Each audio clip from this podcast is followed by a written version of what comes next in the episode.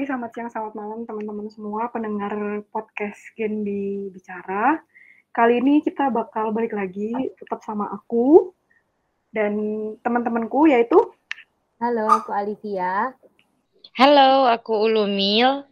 Ya, kita bertiga sama, sama seperti pengisi podcast pertama. Kali ini podcast kedua kita balik lagi membahas tentang self love. Tapi sebelum kita mulai dan sebelum kita perkenalan sama narasumbernya, aku menyampaikan announcement dulu pengumuman untuk teman-teman UPN Veteran Jawa Timur bahwa uh, layanan konsultasi dan psikologi untuk teman-teman UPN Veteran Jawa Timur masih dibuka. Jadi buat teman-teman mungkin yang lagi ngadepin semester akhir atau burnout tentang uh, masalah keluarga atau mungkin buat masalah kerjaan, mungkin teman-teman UPN Veteran udah ada beberapa yang kerja nih di masa-masa semester akhir, boleh banget tetap datang ke layanan psikolognya UPN di kliniknya UPN Veteran Jawa Timur dan sependek pahamku ini uh, dari bulan kemarin pelayanan psikolognya itu sudah diberlakukan dengan dua metode, metode online dan offline. Jadi buat teman-teman yang di luar kota yang emang nggak di Surabaya tetap bisa menghubungi dokter atau psikolog yang bisa menemani teman-teman untuk meringankan beban ceritanya. Itu dulu sih pengumuman dari aku. Mulai yuk podcast di episode kedua ini. Oke, selamat malam, uh, selamat siang, selamat pagi teman-teman semua. Uh, kita ngundang dulu deh narasumbernya. Halo, selamat pagi, selamat siang, selamat malam, Kak Iza. Hai teman-teman, aku Ayunda Iza atau biasa dipanggil Iza. Aku mahasiswi Fakultas Psikologi Universitas Airlangga. Aku juga awardee dari ISMA 2021 ke University Science of Malaysia. And it's a, it's an honor for me to talk about self love in this forum gitu. Thank you. Hai, salam kenal ya. Halo, salam kenal. Eh, ini kalau boleh tahu nih, kita ngobrol-ngobrol dikit. Ini kesibukannya sekarang lagi ngapain aja nih, Kak? Selain hmm. kuliah nih. Oke, okay. kalau kuliah aku sekarang skripsi ya, udah semester 7. Terus sekarang juga lagi magang di Binar Academy. Terus uh, sama lagi nunggu keberangkatan ISMA 2021 ke Malaysia. Nunggu bordernya Malaysia buka sih baru bisa berangkat gitu teman-teman. Oh ternyata ini ya termasuk student exchange-nya ISMA ya berarti. Ya? Yes. Produknya Kemendikbud. Boleh dong kak sharing sedikit gimana uh, pembelajaran online? Oh oke, okay. uh, selama ini sih nggak online ya, tapi kita lagi nunggu berangkat sih. Tapi kita pasti berangkat ke sana gitu sih. Hmm, berarti ini cuma tinggal nunggu keberangkatannya aja ke Malaysia ya? Yap, selagi nunggu aku magang juga. Kemarin sempat magang di Your Personal Psychologist, itu salah satu biro psikologi di Surabaya juga. Jadi konten creatornya, jadi aku bahas-bahas banyak banget termasuk tentang self love, terus uh, love language dan macam-macam sih sebenarnya. Terus kayak self uh, apa sih life life crisis gitu-gitu. Terus sekarang lagi di magang di Binar Academy sebagai Academy Quality Intern. Jadi aku juga ngawasin kurikulum course-course yang ada di Binar gitu sih. Wah, uh, kira-kira kakaknya tuh ada nggak sih uh, media atau Instagram atau platform apa yang bisa teman-teman Genbi akses atau lihat posting-postingan kakak? Mm -mm. Kalau uh, media platform buat berbagi sebenarnya belum benar-benar ke build, tapi aku ada rencana sih sama partner aku itu bikin platform username-nya. Eh belum belum develop banget sih tapi masih nol. Jadi berdamai.id jadi nanti di situ kita bakal bahas seputar psikologi perkembangan pendidikan sama organis industri dan organisasi. Jadi kayak masih di lingkup uh, aku dan partnerku belajar sih sebenarnya.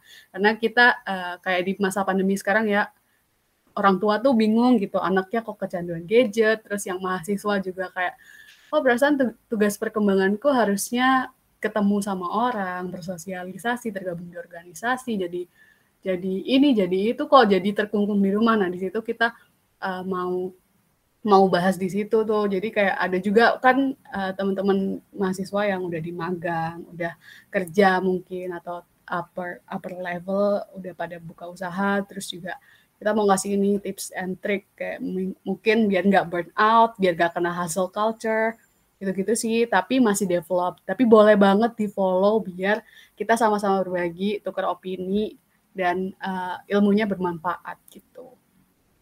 Wih, bener banget itu kayaknya teman-teman Genbi harus follow nih kayaknya ya, biar nambah-nambah kan topik-topiknya tuh kayaknya nggak jauh-jauh ya buat teman-teman Genset atau milenial kayaknya. Oke deh, cara aku mau nanya dong kak, sebenarnya menurut Kak Iza nih, sebenarnya gimana sih caranya kita menumbuhkan pikiran positif dan terbuka untuk setiap fenomena hidup? Ini kan kayaknya nyambung nih sama opening tadi kakak ngomongin platform medianya. Mm -mm. Oke, okay, thank you for the question. Ini bakal uh, agak panjang ya jawabnya. It's okay? It's okay, it's okay. Take your yeah. time. Silakan. Karena ini uh, fenomena hidup ini kan subjektif ya tiap orang. Cuma ini semua tentang sudut pandang gitu. Gimana memperlakukan fenomena atau masalah ini tuh sebagai sesuatu yang harus dirangkul atau dihindari. Ini kan pasti terjadi ada alasan ya di baliknya. Nah, pilihannya tuh cuma dua. Kamu mau berdiam diri dalam kesengsaraan atau menerima situasi dan mengusahakan yang terbaik untuk menghadapi fenomena itu. Satu, itu yang pertama ya, yang gimana caranya untuk terbuka. Yang kedua, gimana caranya punya pikiran positif. Jangan ragu untuk keluar dari lingkungan yang sekiranya negatif atau kalau orang-orang sekarang pada bilang itu toxic ya. Ketika kamu merasa lebih banyak dirugikan dan keberadaanmu selalu dieksploitasi, walaupun uh, secara cost, uh, energi, bahkan fisik, mental drained dan lain-lain, just get out, run, fly, don't don't walk gitu kan. Masih banyak waktu yang bisa kamu alokasikan untuk bangkit dan berkembang ke arah yang lebih positif gitu, ke arah yang uh, lebih sesuai sama visi misi hidup kamu. Gitu sih kalau dari aku.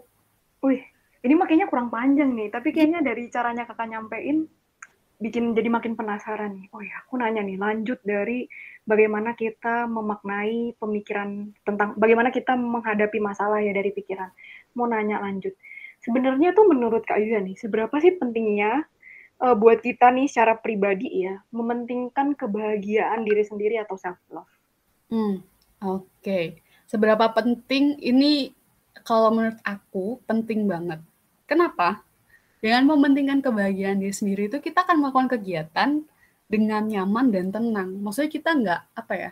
Kita melakukan itu bahagia. Jadi kita nggak terpacu sama apa yang orang lain lakukan, target orang lain seperti apa, kayak kita on track aja sama hidupnya masing-masing gitu kan. Ya udah yang sana udah bisa sempro, oke. Okay. Yang sana udah bisa nikah, oke. Okay. Yang sana tunangan, yang sana buka usaha, ya oke okay, gitu kan. As long as we're happy with with our life gitu kan. Tapi tetap harus peduli sama orang lain gitu. Self love isn't selfish kan.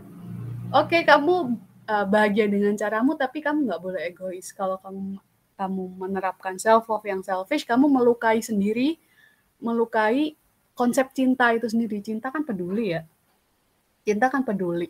Kalau dirasa memang uh, dari lingkungan luar itu banyak merugikan secara cost time energi dan uh, dan lingkungan juga nggak suportif gitu sama apa yang kamu ya, apa yang kamu inginkan segera cari alternatif kebahagiaan lain gitu. Kalau misal ya misalnya nanti uh, aku atau um, kamu gitu ya, kamu lagi merasa di bawah banget karena teman-temanmu nggak suportif gitu, tapi kamu pengen lebih bahagia gitu kan.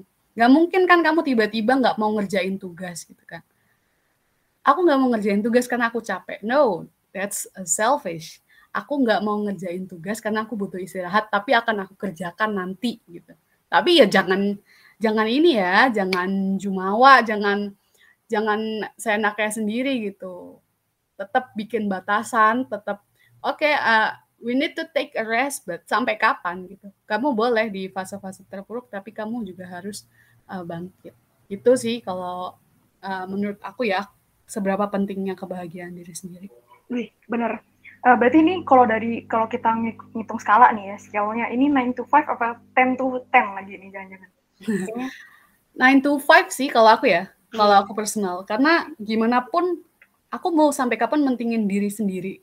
Karena aku sejatinya setiap individu membutuhkan individu yang lain kan. Kita kan makhluk sosial ya. Nggak mungkin nih kita bahkan kita mau makan aja kita namanya masak mie instan harus beli dulu kan mie-nya terus baru dimasak beli juga di toko. Nah itu kan butuh orang lain kan. Nggak mungkin juga kita uh, semata-mata ya udahlah gue gue sendiri hidup hidup gue kenapa sih? Itu kan nggak mungkin juga ya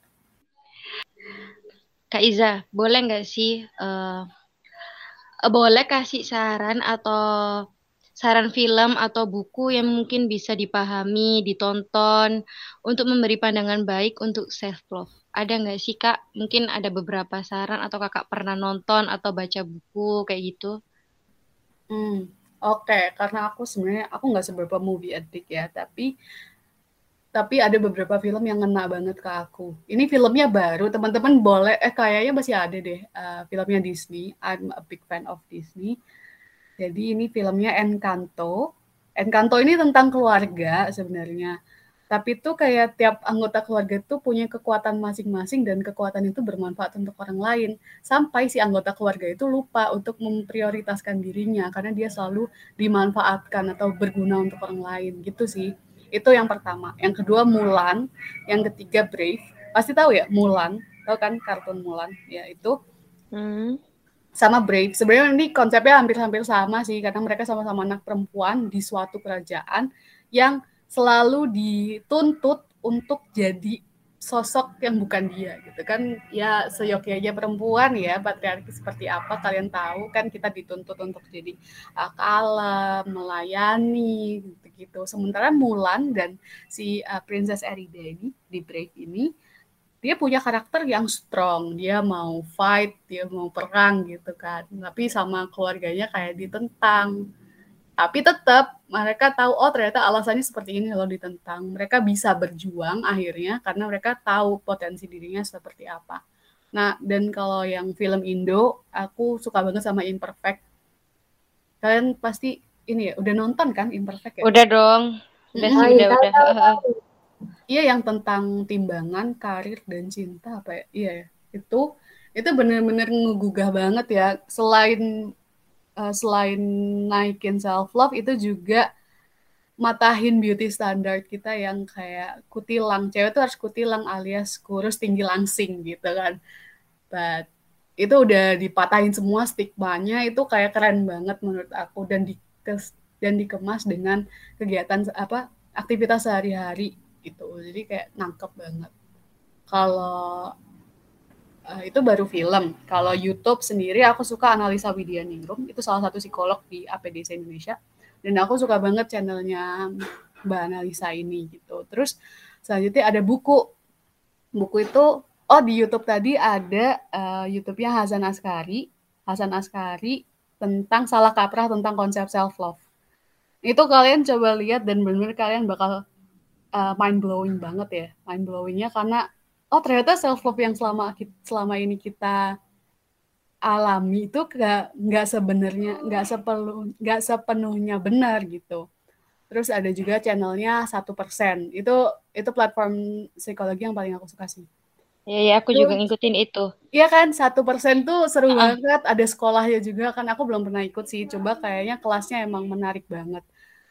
Terus satu lagi buku. Kalau teman-teman nggak nggak suka nggak seberapa suka baca kayak aku aku juga nggak seberapa suka baca jadi ada satu buku judulnya How to Respect Myself by Dr. Yoon Hong Kyun ini salah satu dokter spesialis kejiwaan di Korea itu yang menulis buku tentang betapa gimana kita respect sama diri kita sendiri. Nah, di bukunya itu tentang pentingnya harga diri dan kepercayaan diri, terus gimana cara memperbaiki relasi, mengendalikan emosi, Terus tips and trick meningkatkan percaya diri. Nah, pokoknya setelah baca buku ini, aku nggak berani jamin, tapi aku ngerasa kayak lebih percaya diri dan yakin dalam mengambil keputusan tanpa terpengaruh pendapat orang lain. Aku belum benar-benar selesai baca ini, maksudnya aku pengen baca lagi, pengen benar-benar memaknai, soalnya benar-benar se-life changing itu. Dan enak, ringan kok bukunya. Ringan in terms enak dipahami ya, bukan cuma tipis bukunya tipis kok. Nggak seberapa tebal kayak buku-buku uh, self development yang lain. Dan uh, praktikal gitu. Jadi bisa diterapin oh gini caranya mementingkan diri sendiri dengan cara yang lebih baik gitu sih. Hmm, tapi mungkin kalau teman-teman sendiri mungkin lebih lebih milih yang nonton ya karena cuma lihat terus dicermati lebih mudah dipahami lah istilahnya kan ketimbang baca-baca kayak gitu. Oh iya satu lagi nih uh, menurut Kak Iza nih wajar nggak sih uh, fenomena krisis self love di rentan usia 19 sampai 25 tahun kan banyak tuh. Rentan-rentan usia segitu kan biasanya krisis tuh kayak kurang percaya diri atau apa kayak gitu. Nah, aku mau tanya deh, kamu usianya berapa sekarang? Aku 21. Ih, sama kita. Kalau Iya dong. teman-teman yang lain usianya berapa? Kalau dari aku, wow, Alif berapa? 15. Aduh, 15. Wah, berarti ini ya, harusnya nggak dengerin ini ya. Eh, nggak Alif nih malah jangan-jangan nggak ikut SBM nih, wah. Alif umur berapa Alif sekarang? Sekarang? Berapa ya? 19. Oh, 19. Aku di sini 23 kak. Oh, 23. Wah, I should call you kakak ya berarti. Aduh, Kak Purnama. Aduh, ayo dong semangat semester akhir ayo. Ayo, semangat yuk. Lanjut Oke. lanjut. Kalau eh, Nana sendiri lagi lihat kanan kiri tuh ada apa sih yang bikin krisis? Yang lagi bikin krisis mungkin ini kali ya, eh, posisi di, ker- di kerjaan. Jadi kayak contohnya teman satu udah ngupload kantor di mana, teman satu udah Hmm. ngupload di mana, sama yang kedua mungkin ini ya apa namanya lomba-lomba eh, wisuda sama ini baru beberapa sih sebenarnya nggak terlalu nge-trigger banget tapi udah beberapa teman-teman yang seumuran tuh udah mulai share-share engagement. Wah, tapi nggak oke, terlalu te- nggak terlalu te- ke trigger banget yang paling trigger itu nge-share udah dapet ID card mana nih kantor mana Wah. Iya ya, iya ya, ini ya agak agak ada peer pressure ya. Kok teman-teman udah di sini gitu. Kalau Umil, kalau Umil apa nih? Kanan kiri lagi ada apa nih kanan kiri? Ya mungkin karena semester akhir cuma skripsi kayak gitu-gitu sih. Cuma ya itu tadi mikir-mikir kerja juga banyak banget kan teman-teman yang udah kerja. Tapi mungkin kalau Pur- Kak Purnama tadi tuh lebih ke nikah sih kayaknya. Sebenarnya kalau misalnya nikah nggak terlalu lah tapi engagement kayaknya ya tunangan dulu kan gaya-gaya anak zaman sekarang Boleh Oke, boleh. Kita lanjutin ya. Kita lihat ya kanan kiri ada yang skripsi, ada yang sempro, ada yang sidang, ada yang udah di kantor A, kantor B, company Big Four gitu kan. Aku juga merasakan itu kok tenang aja karena aku juga ada di range usia 19 sampai 25 tahun. Jadi di bukunya Sandrock sendiri eh, t- kita ini ada di fase atau tahap perkembangan dewasa awal. Nah, masa ini tuh merupakan masa transisi dari remaja ke dewasa dan punya kemiripan dengan masa remaja. Kayak ini ada nggak sih beberapa orang dari eh, kalian punya temen tuh yang sana yang sisi kiri alias sisi yang super duper suka main sana sini yang kita lihatnya suka main sana sini kita nggak tahu ya di belakang gimana dan mereka eh, YOLO gitu you only live once oke kita main ke A kita main ke negara B kita eh, makan siang di kota A makan malam di kota B gitu kan ada yang kayak gitu ada juga tipikal orang-orang yang udah kalau tadi eh, udah skripsi, udah sidang, udah kerja di sini, udah intern di sini gitu kan. Nah, ternyata itu tuh emang emang tugas perkembangan kita gitu. Karena tiap tahap perkembangan tuh pasti punya tugas yang harus diselesaikan untuk menjalani dan menyelesaikan tuha- tugas tahap perkembangan selanjutnya. Nah, tugas kita di dewasa awal ini yang tadi udah teman-teman eh, sebutin sih beberapa. Jadi kayak bergabung dalam suatu kelompok sosial kayak kita sekarang ya ada di organisasi itu atau ada di di suatu perkumpulan atau di mahasiswa bahkan kan itu suatu kelompok sosial ya. Terus bertanggung jawab sebagai warga negara ya pekerja untuk membayar pajak PPH gitu kan. Terus ada juga yang nyicil motor dan lain-lain. Terus ada apa ya memilih pasangan hidup. Terus kanan kiri udah pada engagement ya Nah ya. Duh, Duh, ini eh nek orang Jawa itu ngomongnya kok ono ae? Enggak lah. Namanya pasangan hidup penting lah ya. Iya. Nah, satu lagi membina keluarga. Ada nggak sih teman-teman kalian yang udah nikah terus sudah punya anak satu? Soalnya temanku ada. Jadi Alif kayak aku enggak sih? Alif nggak sih? yes, aku banyak Cepet ya? banget. Yes. cepet ya. Nggak apa-apa, nggak apa-apa. Jadi itu itu salah satu itu tugas-tugas perkembangan tahap tugas tahap perkembangan yang ada di usia 19 sampai 25 tahun ini. Ada juga nih individu pada masa ini tuh dihadapkan dengan fase emerging adulthood. Apa tuh emerging adulthood? Kita udah mulai ya masuk-masuk istilah-istilah psikologi gitu kan. Nah, emerging adulthood itu di mana saat individu mengalami ambiguitas tentang konsep menjadi dewasa. Wah, agak ini ya udah bahas konsep menjadi dewasa nih ada macam-macam gitu kan. Terus kayak yang tadi udah aku sebutin ada yang nganggep uh, hidup cuma sekali, let's having fun and something, ada yang menganggap karena hidup cuma sekali kita harus bermanfaat untuk orang lain dan untuk diri sendiri gitu kan. Nah, ada juga uh, yang ya udahlah jalanin aja gitu. Nah, itu tuh ambiguitas konsep menjadi dewasa. Terus yang selanjutnya adalah periode yang terbatas untuk eksplorasi diri dan dunia. Kayak kita nih kayak terbatas nggak sih kerasanya? Kayak aduh mau intern sana sini tapi takut kuliah keganggu. Pengen kerja dulu tapi nggak ada uh, nggak ada skill gitu. Ada nggak sih perasaan kayak gitu teman-teman? Ada, ada, ada. Pernah tuh aku ngalamin kayak gitu. Oke, nah periodenya kan terbatas ya. Terus ada juga ketidakstabilan peran dan hubungan. Waduh, kita masuk ke hubungan nih.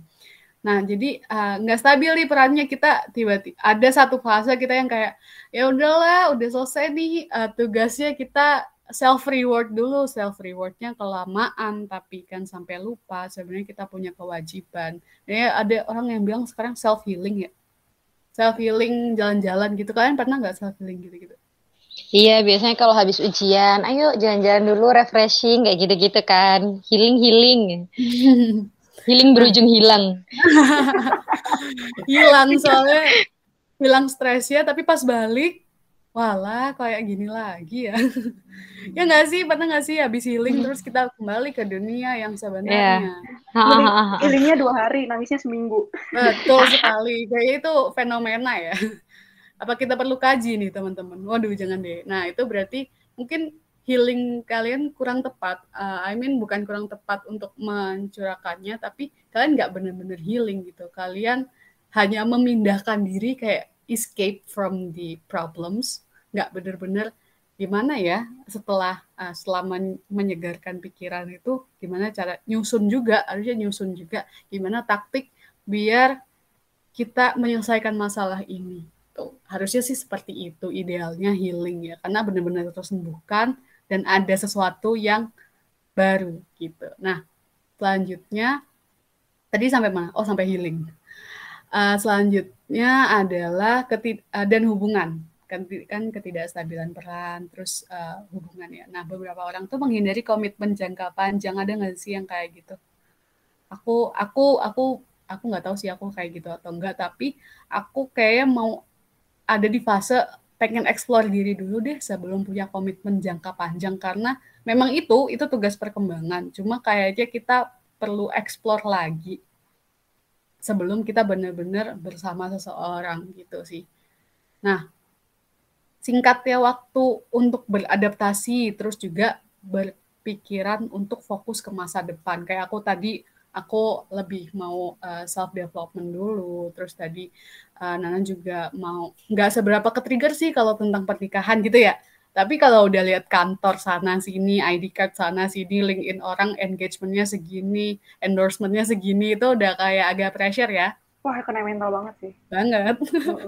Kalau kita mau kerja juga tapi tetap iya. aja kayak iri aja gitu. Ha -ha bagus sebenarnya kayak gitu ada sih iri dan membandingkan. Oh nanti kita bahas ya soal membandingkan. Nah fenomena itu berbagai fenomena itu menjadi salah satu bukti bahwa fase ini tuh uh, fase ini tuh sebenarnya nggak apa-apa gitu. Karena uh, fenomena tadi lebih fokus keluar ya. Ke kayak validasi terus kayak oke okay, pencapaian sana sini gitu ya. Penerimaan orang. Nah ini sendiri jadi bukti salah satu bukti bahwa fase ini tuh kita lebih fokus sama apa yang ada di luar diri. Jarang banget individu yang memahami fenomena ini sebagai proses pendewasaan diri dari internal. Coba kita uh, refleksi dikit. Kalau misalnya kerja selain dapat duit, kita dapat apa? Dapat pengalaman pastinya kan. Ya, pengalaman. Terus teman baru, ah, relasi kan. Itu kan ke diri sendiri ya kebanyakan orang tuh kerja cuma pengen cari duit ya aja gitu. Pengalamannya iya ada, cuma itu pengalaman tuh di nomor uh, di nomor berapa kan gitu. Oke, okay, aku mau kerja di sini tapi pengalamannya segini. nggak ada kan? Uh, ya mungkin ada beberapa, cuma kayak pertimbangannya pasti di awal tentang hal-hal eksternal gitu. Nah, coba di dimaknai sebagai salah satu uh, salah satu proses pendewasaan internal gitu. Nah, karena karena lebih lebih sering menganggap hal eksternal itu jadi satu titik satu titik tujuan hidup. Nah, kebanyakan akibatnya kita sering berfokus untuk membandingkan diri dan mendahulukan motivasi ekstrinsik serta mengabaikan motivasi intrinsik gitu. Kan tadi udah dibahas ya, lebih lebih mendahulukan motivasi ekstrinsik kayak oh ya udah aku pengen ikut lomba karena aku pengen menang gitu. Dan mengabaikan motivasi intrinsik, aku pengen lomba karena aku pengen dapat nih proses berjuang sama-sama sama tim, belajar bareng-bareng, tahu susah susahnya, senangnya bareng-bareng itu kan kayak agak di kesampingkan ya. Oh ya oke tujuan kita menang dulu gitu. Itu sih dari aku. Wah, cukup panjang ya jawaban aku tentang wajar apa enggak. Nggak sih itu bener-bener kayak real life banget gitu loh kayak emang bener-bener yang dialami sekarang tuh emang masa-masa yang kayak gitu gitu dan kadang juga orang tuh banyak yang apa ya kurang percaya diri terus habis itu ya kayak tadi itu hanya kayak kerja cuma mau duitnya aja jarang ambil pengalamannya kayak gitu kayak gitu-gitu sih kak. Karena aku juga ada, aku ada di fase itu juga sih. Maksudnya kita sama-sama di usia range 19 sampai 25 ya. Mungkin yang denger, pendengar teman-teman sendiri juga uh, ada di usia segitu. Semoga bisa membantu buka pikiran. Oke. Wah, benar-benar apa ya? Kak menurutku penjelasannya Kak Iza ini sangat insightful.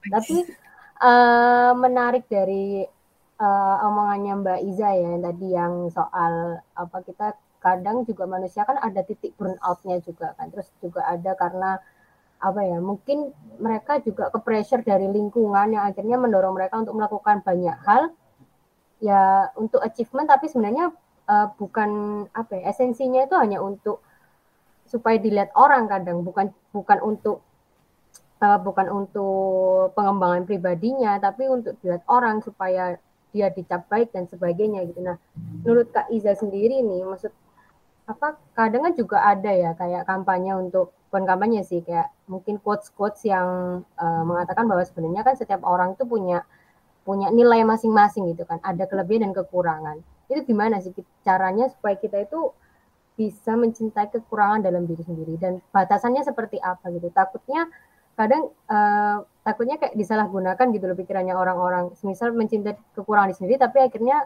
mereka tidak berusaha untuk menyelesaikan permasalahan itu jadi malah oh ya udahlah karena aku nggak bisa gini ya wes aku nggak nggak mau improve gitu semisal kayak gitu sih gimana hmm. menurut Iza? Oke, okay, good question.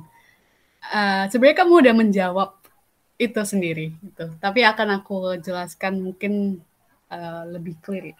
Jadi gimana caranya ya biar bisa mencintai kekurangan dan takutnya malah disalahgunakan ya kalau misalnya kebanyakan kan self love itu oke okay, kita terima kekurangan dan kelebihan yang ada yang ada di kita tapi lupa untuk ngasih tahu kalau kita harus improve gitu nggak sih tadi konsepnya ya ya Alivia ya? Iya benar-benar. Nah pertama itu ini bukan step by step ya tapi ini utama banget Pahami bahwa setiap individu itu diciptakan unik. Nggak ada orang yang sama persis. Bahkan anak kembar pun pasti punya hal yang berbeda. Aku punya saudara, uh, nggak usah saudara, aku punya nenek kembar, itu beda sama. Maksudnya fisiknya sama, tapi secara secara pengalaman, secara emosional, secara kondisi uh, kondisi kesehatan, terus pemahamannya juga berbeda gitu. Nah, Merasa memiliki kekurangan, merasa bersalah, berada di fase rendah diri itu semua wajar. Yang nggak wajar itu, tadi udah disebutin ya, kalau nggak mau improve, kalau coba berhenti di satu titik kelemahan dan nggak mau berkembang. Kalau udah tahu punya kekurangan, ayo sadar diri dan cari bantuan.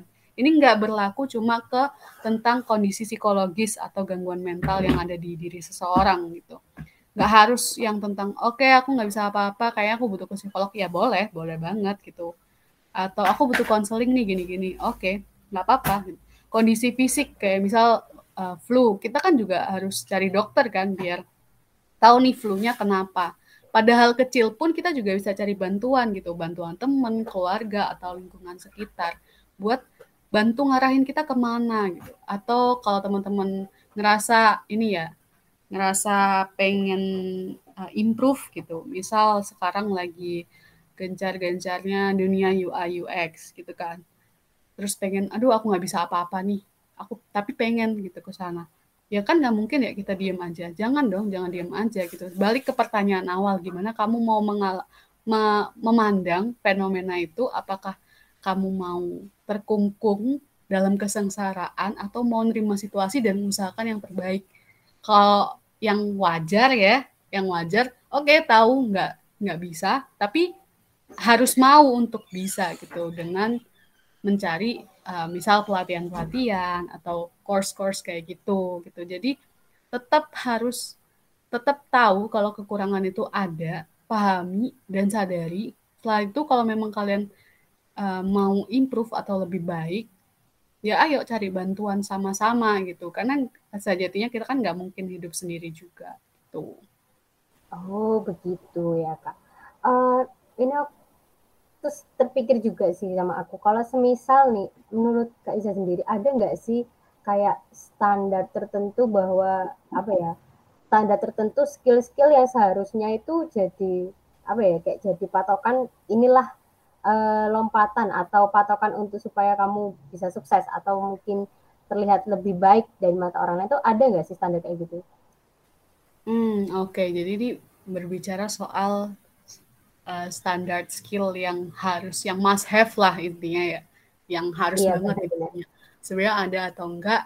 Menurut aku uh, untuk di era seperti ini di era digital ini mungkin lebih ke digital skill ya kayak oke okay, tadi udah diomongin tentang public speaking itu udah uh, basic maksudnya setiap orang kayak butuh untuk di mana-mana gitu sama digital skill kayak ngedit gitu-gitu sih. Tapi itu nggak harus setiap orang punya. Emang ada orang-orang yang menjadikan itu lapangan pekerjaan. But it will be nice and helpful if you have that skill gitu. Dan itu bisa dipelajari di mana pun.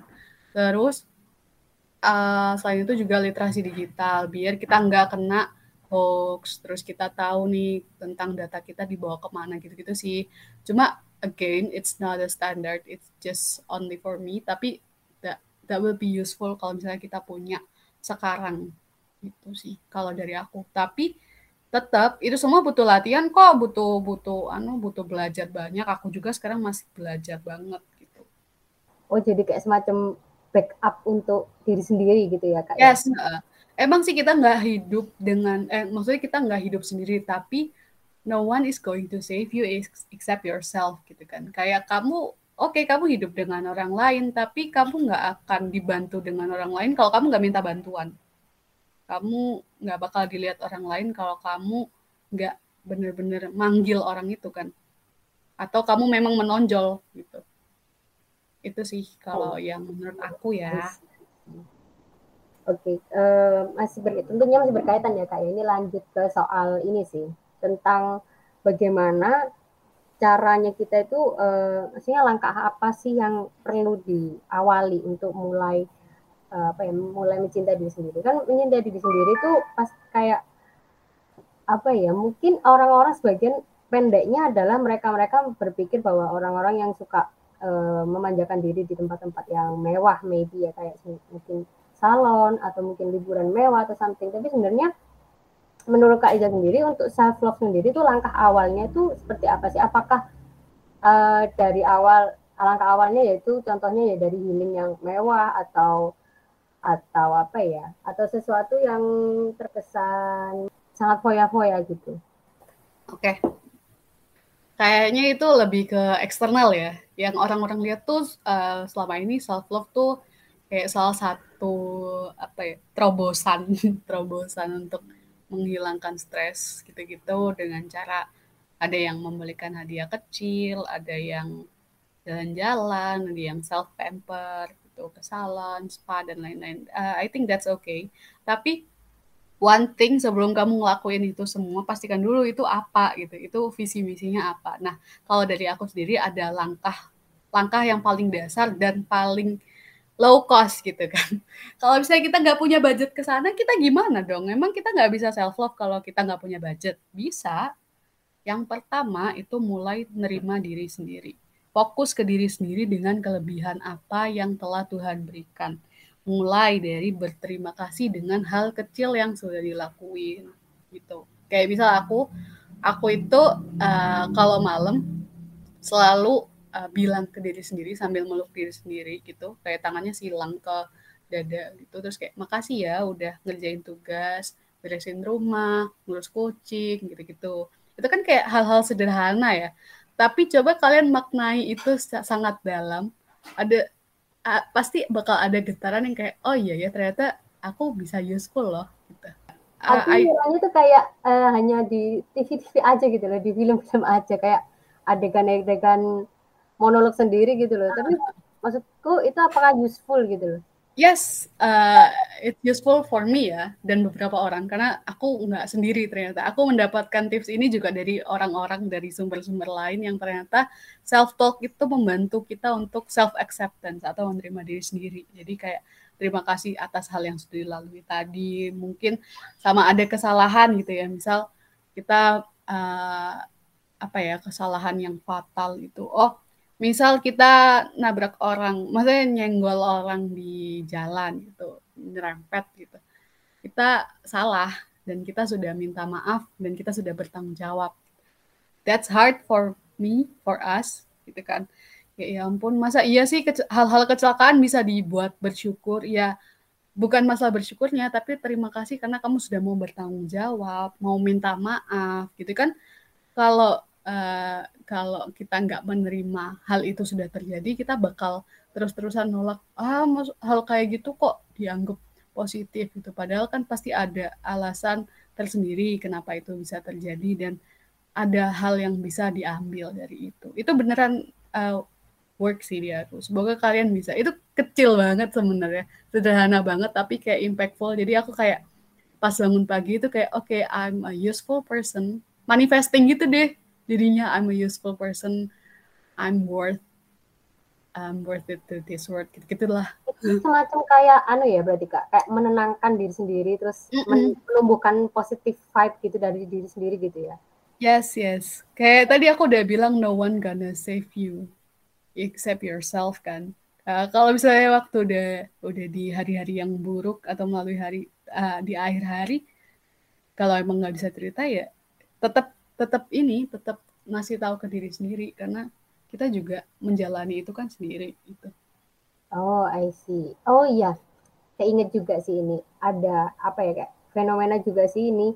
Uh, dari ini seringnya temanku curhat sih. Dia bilangnya kan uh, dia sering kayak uh, apa self talk gitu ya bicara kalau dia oh nggak apa-apa aku sudah melakukan hal yang baik hari ini. Dia juga pernah bilang kayak gitu tapi uh, setelah mendengar Kak Iza ini useful aku baru percaya gitu loh. Kalau oh wala ini tuh ada impactnya gitu. Cuma yang aku notice di sini dari cerita temanku adalah eh, sebelum dia uh, curhat tentang self talknya itu dia selalu cerita tentang betapa dia itu riwahnya hari itu. Tapi yang saya notice adalah riwahnya riwahnya dia maksudnya sibuknya dia itu terlalu sering membantu orang lain gitu loh.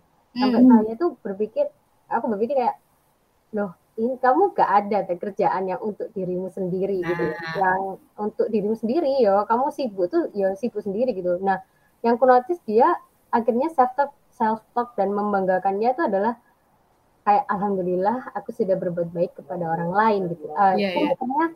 kapan dia kapan dia bilang alhamdulillah aku sudah melakukan untuk apa untuk lompatan besar dalam hidupnya atau apa gitu nah maksud aku adalah apakah orang-orang yang kayak gini tuh self love juga ataukah itu harus dihindari karena hmm. terlalu banyak bantu orang lain atau apa ya kayak dilema nah. gitu soalnya kan kalau bantu orang lain nggak mesti gitu loh nggak mesti kita bisa membantu gitu bukan bermaksud jelek cuma ya kan kita punya kapasitas masing-masing gitu apakah itu buruk juga gitu loh oke okay. ini ini pas banget poin kedua setelah menerima diri itu buat batasan kalau tadi temanmu selalu bantu sana sini ya yeah, that's that's good gitu. Tapi buat batasan dengan berani menolak atau berkata tidak ketika kita tidak merasa eh ketika kita kita merasa nggak mampu gitu. Kan ada ya waktu orang tuh kayak aduh kok aku terus gitu. Kok kok aku terus ya, kok aku lagi sih? Ya kalau emang merasa lagi nggak bisa ya udah ditolak aja. Tapi perlu diingat ya kalau kita itu nggak harus jadi segalanya di depan orang lain gitu dengan mengatakan tidak atau menolak dengan ini tuh kamu memprioritaskan diri. Dan mungkin baiknya ya kalau memang masih itu bakal susah banget gitu ya buat seseorang langsung oke okay, stop uh, gue nggak mau bantu lo gitu kan nggak mungkin ya. Nah mungkin dengan cara menawarkan bantuan yang lain atau mendelegasikan bantuan itu gitu. Jadi misal uh, kamu minta aku kerjain akuntansi, meanwhile I'm a psychology student and I can even do akuntansi gitu kan. Ya mungkin kan aku tiba-tiba, ya nggak bisa lah, gue kan nggak bisa akuntansi gitu kan. Ya emang nyatanya itu, tapi mungkin aku akan mengenalkan kamu dengan salah satu temanku yang mahasiswa akuntansi juga bisa bantu kamu gitu. Jadi aku nggak aku nggak bisa tuh nolak yang benar-benar yang nggak bisa gitu, nggak nggak bisa. Tapi tetap, ya aku nggak nggak ngaku kalau nggak bisa dan kalau memang sulit untuk bilang itu mungkin bisa tawarin bantuan yang lain itu sih. Terus sama tadi nyambung ke uh, kamu ada nggak sih waktu untuk diri kamu sendiri gitu? Misalnya kayak kamu pernah nggak sih sibuk ke diri kamu sendiri gitu nggak sih tadi kamu uh, tanya ke temenmu? Iya, maksudnya kayak apa ya? Kok dia itu ngerjain kerjaan orang lain terus gitu loh? Kapan? Padahal kerjaan dia tuh ya maksudnya job desk-nya dia di di kantornya itu dikit gitu loh tapi dia keseringannya ngeluh ngeluhnya itu ya sambat gitu loh kalau uh, sambat temennya minta tolong ini itu tapi dia tetap melakukan gitu loh padahal ya jobnya bentar dia juga bisa pulang cepet gitu loh hmm. kalau enggak karena nambantuin temennya karena bantuin temennya dia jadi lembur gitu nah inilah pentingnya meluangkan waktu untuk melakukan hal yang kita sukai setelah kita melakukan rutinitas dan menuntaskan kewajiban, kalau emang mau bantu orang, karena tadi kita udah belajar menetapkan batasan ya. Oke, okay, kalau memang mau bantu orang, mungkin kamu sendiri yang bikin batasan gitu. Uh, misal uh, office hour 9 to 5 ya, jam 9 sampai jam 5. Kerjaan selesai jam 3 gitu. Karena uh, itu sifatnya kerjaan, karena udah selesai ya udah kewajibannya udah tuntas kan. Terus ada satu orang yang ya, minta tolong kita. Nah kita kita yang udah belajar tentang batasan tuh udah batasin aja. Aku bisa bantu tapi cuma sampai jam 5 ya gitu. Itu mungkin bisa kamu kasih saran tuh ke temanmu. Jadi tetap bantu tapi tetap bikin batasan. Jadi nggak sampai lembur nggak sampai after after office hour terus baru pulang jam 8 jam 9 kan butuh kan capek juga ya kan butuh istirahat. Nah setelah melakukan rutinitas dan menuntaskan kewajiban tadi, kita bisa melakukan istirahat dan refreshing untuk memulihkan energi sebelum kembali ke rutinitas. Jadi ya mungkin pulang, ada yang mandi dulu, ada yang layah-layah dulu, atau kalau aku biasanya kalau capek, uh, ini sih dengerin podcast yang emang apa ya kalau bisa bilang recharge recharge my energy sambil nyalain scent candle gitu-gitu deh. Boy kayak eh, orang-orang pada lihatnya lebay tapi I feeling myself when when aku ngelakuin hal itu itu sih. Dan oh iya iya. Sama berarti berarti maksudnya itu berarti normal ya untuk dilakukan. Aku ngiranya kayak hal itu tuh ter, apa ya kayak bahasanya kesannya kayak malas gitu loh kayak nggak nggak satset set hmm. gitu loh. Hmm. kayak gitu. Padahal ternyata ya waktu Kak Iza cerita oh berarti ya berarti normal aku ya. Soalnya aku biasanya kayak uh, mungkin kadang di tengah-tengah ngerjain tugas itu ya pas uh, apa ya udah gak tahu mau mikir apa aku sela-sela nonton BTS nonton Blackpink oh my god. Gitu sih atau habis apa ya habis kayak ngajar gitu masih main-main HP dulu scroll scroll gitu kan hmm. Tapi uh, kewajiban udah tuntas ya? Udah kan abisnya itu, abisnya. Nah, nah itu. Pokoknya asal tahu diri aja, setelah kewajiban tuntas baru kita bisa layeh-layeh kayak gitu.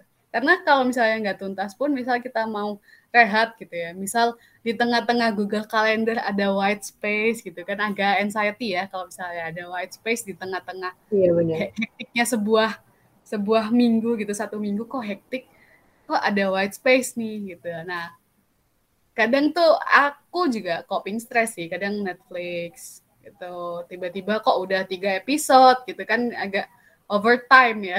Makanya kita harus bikin udah tiga episode kok kok banyak ya ternyata yang udah dilaluin gitu. Nah itu yang harus kita perhatiin gitu. Boleh boleh ambil ambil waktu meluangkan waktu untuk melakukan hal yang kamu sukai tapi itu sifatnya recharge.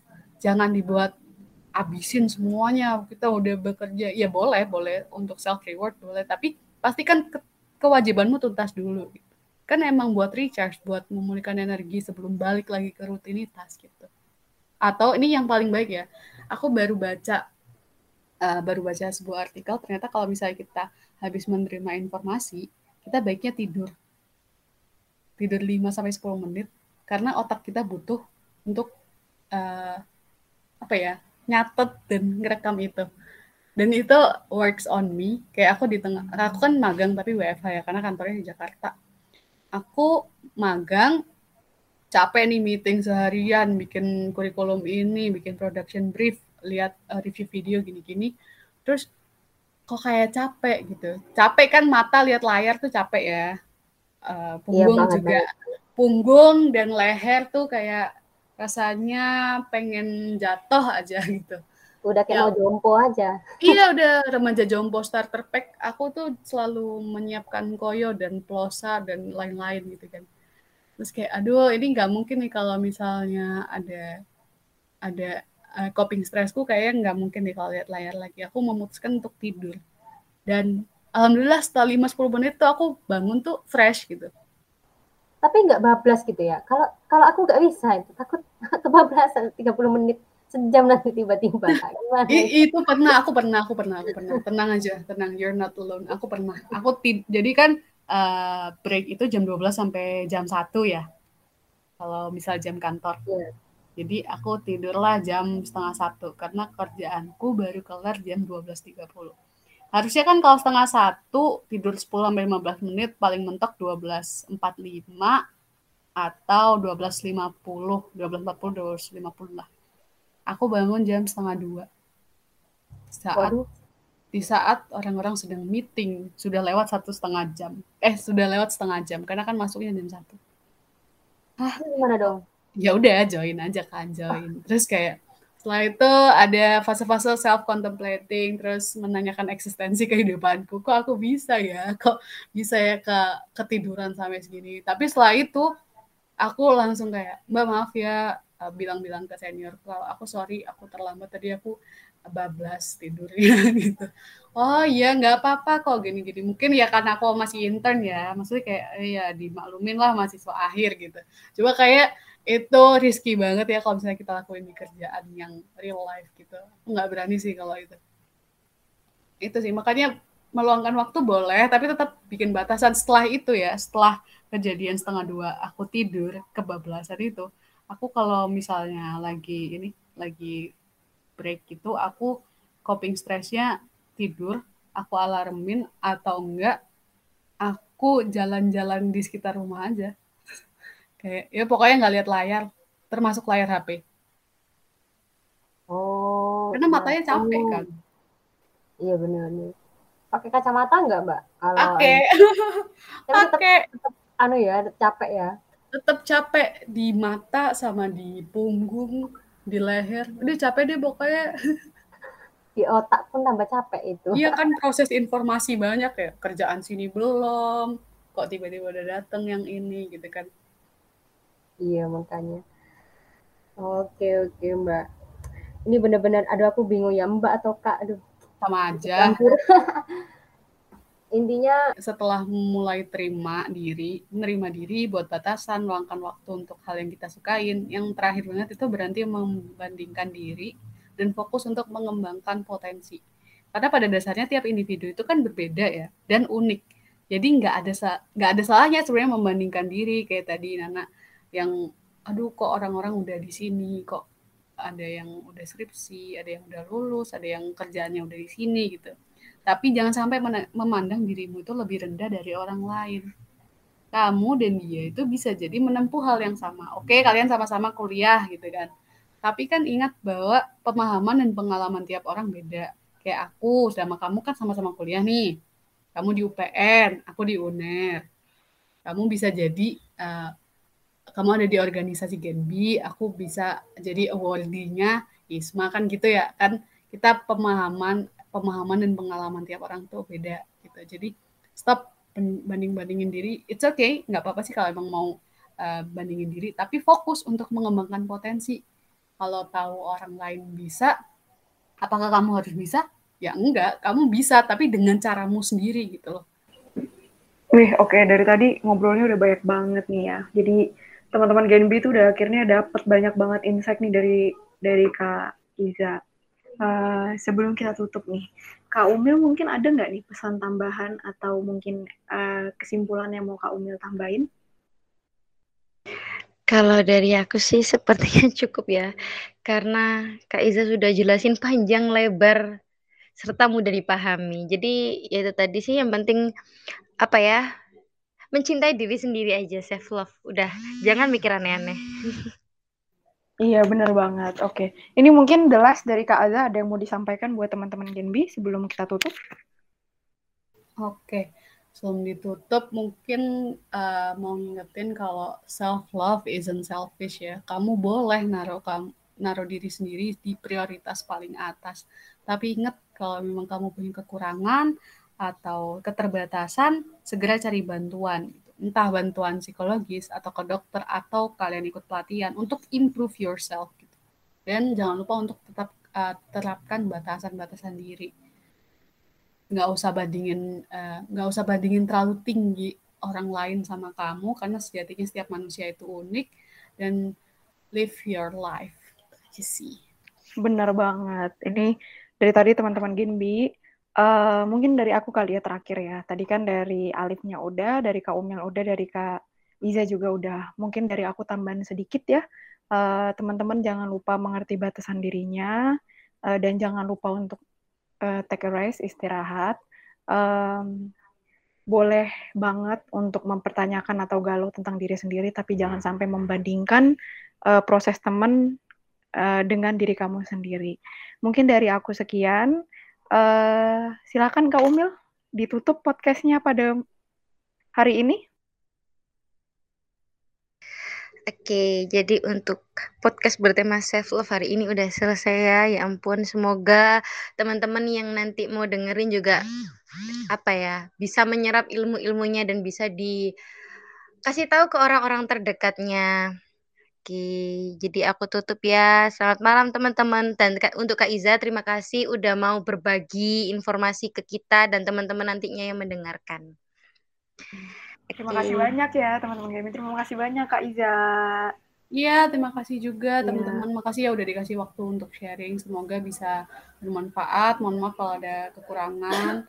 Uh, yang bagus-bagus bisa diambil, yang kurang-kurang bisa disampaikan ke aku biar aku bisa lebih improve. Oke, okay. Uh, makasih buat teman-teman Genbi yang udah denger uh, podcast kedua ini sampai akhir. Ditunggu ya di podcast ketiganya. Uh, selamat menyambut tahun baru untuk kita semua. Sehat selalu. Terima kasih. See you teman-teman.